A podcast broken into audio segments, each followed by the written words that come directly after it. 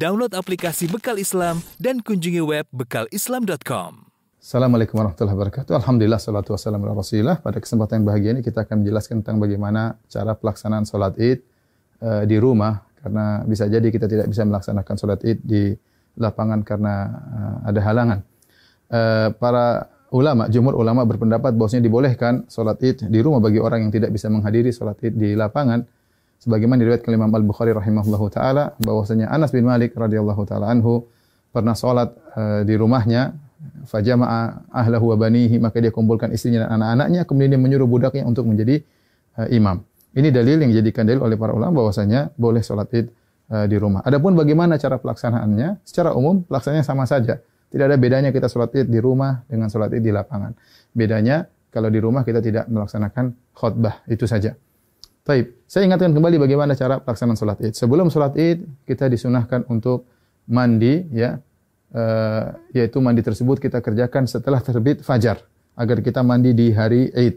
Ya, setelah itu kita disunahkan juga untuk makan uh, korma dalam jumlah witir ya mau tiga mau lima mau tujuh karena itu sunnah Nabi Shallallahu Alaihi Wasallam. Kenapa kita dianjurkan makan korma untuk menunjukkan bahwasanya hari tersebut adalah hari al fitr. Al fitr secara bahasa artinya berbuka. Idul Fitri artinya hari berbuka artinya kita sudah tidak puasa lagi. Maka kita tunjukkan bahwasanya kita berbuka. Sebagaimana kita berpuasa karena Allah, kita berbuka juga karena Allah dan Nabi SAW segera menunjukkan berbukanya tersebut. Kalau tidak ada korma, maka sebenarnya mengatakan boleh makan yang manis-manis.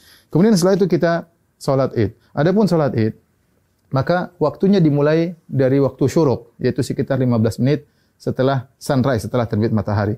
Dan berakhir kata para ulama sebelum waktu uh, zawal, yaitu sekitar 15 menit atau 10 menit sebelum adzan zuhur. Di antara itu kita boleh melaksanakan sholat id. Tapi yang terbaik kita sholat id di, di awal waktu di pagi hari. Adapun pelaksanaannya, maka kita bertakbir rakaat pertama tujuh kali, rakaat kedua lima kali takbir. Nah, ada khilaf di kalangan para ulama tentang tujuh takbir ini. Apakah tujuh takbir tersebut termasuk takbiratul ihram ataukah takbiratul ihram tidak dihitung? Ya, takbiratul ihram tidak dihitung. Ini pendapat Imam Syafi'i rahimahullahu taala dalam kitabnya Al-Um bahwasanya takbiratul ihram tidak dihitung. Jadi bagaimana caranya? Kita bertakbir dulu. Allahu akbar. Ini takbiratul ihram. Kemudian kita baca doa istiftah. Setelah kita baca doa istiftah, baru kita bertakbir tujuh yang disebut dengan takbirat zawaid, takbir tambahan. Kita takbir Allahu Akbar. Allahu Akbar. Nah, apakah di antara takbir ini ada doa khusus? Tidak ada dalil ya, dari Nabi SAW. Nabi pernah disebutkan membaca sesuatu di antara takbir-takbir tersebut. Oleh karenanya, pendapat madhab maliki tidak ada bacaan. Namun sebagian lama berpendapat boleh membaca sesuatu seperti madhab syafi'i. Kita boleh bertakbir, boleh bertahmid, boleh bertahlil di antara uh, takbir-takbir tersebut. Uh, kita ulangi, kita Allahu Akbar, takbiratul ihram, kemudian kita baca doa istiftah, kemudian kita takbir tujuh kali. Allahu Akbar, satu.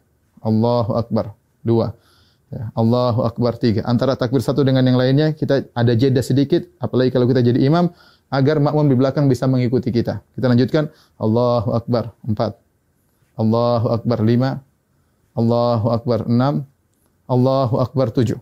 Setelah itu kita ta'awuz, kemudian kita baca Al-Fatihah. Setelah baca Al-Fatihah, kemudian kita baca surat. Nah, surat ini kita bisa baca disunahkan baca surat Sabbihisma Rabbikal A'la atau kita baca surat Qaf ya. Salah satunya sunnah seandainya seorang baca surat yang lain juga tidak jadi masalah. Setelah kita selesai baca surat, maka kita ruku Allahu Akbar ya seperti biasa. Kemudian kita sholat, sampai kemudian kita pada rakaat mau naik ke rakaat kedua, tatkala kita sujud, ya, kita sujud, kemudian kita mau bangkit ke rakaat kedua, maka kita bertakbir.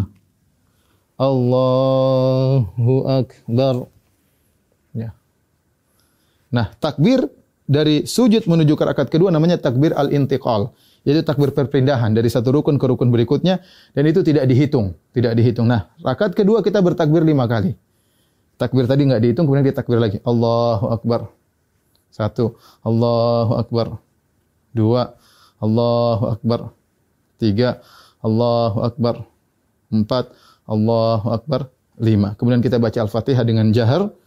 Kemudian setelah itu kita baca surat, disunahkan kita baca surat Al-Ghashiyah atau kita baca surat Qaf uh, surat Al-Qamar, kita baca surat Al-Ghasyiyah atau kita baca surat Al-Qamar. Kalau tidak kita baca surat yang lain tidak jadi masalah. Kemudian kita selesaikan uh, salat kita. Nah, setelah salat apakah ada uh, khutbah? Jawabannya Anas bin Malik ketika mengumpulkan anak dan istrinya beliau tidak berkhutbah. Oleh karenanya asalnya kita tidak berkhutbah. Namun sebagian ulama seperti Ibn Qasim dari Madhab Maliki mengatakan jika berkumpul banyak orang maka ada yang berkhutbah maka itu baik. Tidak mengapa, tidak uh, terlarang ya.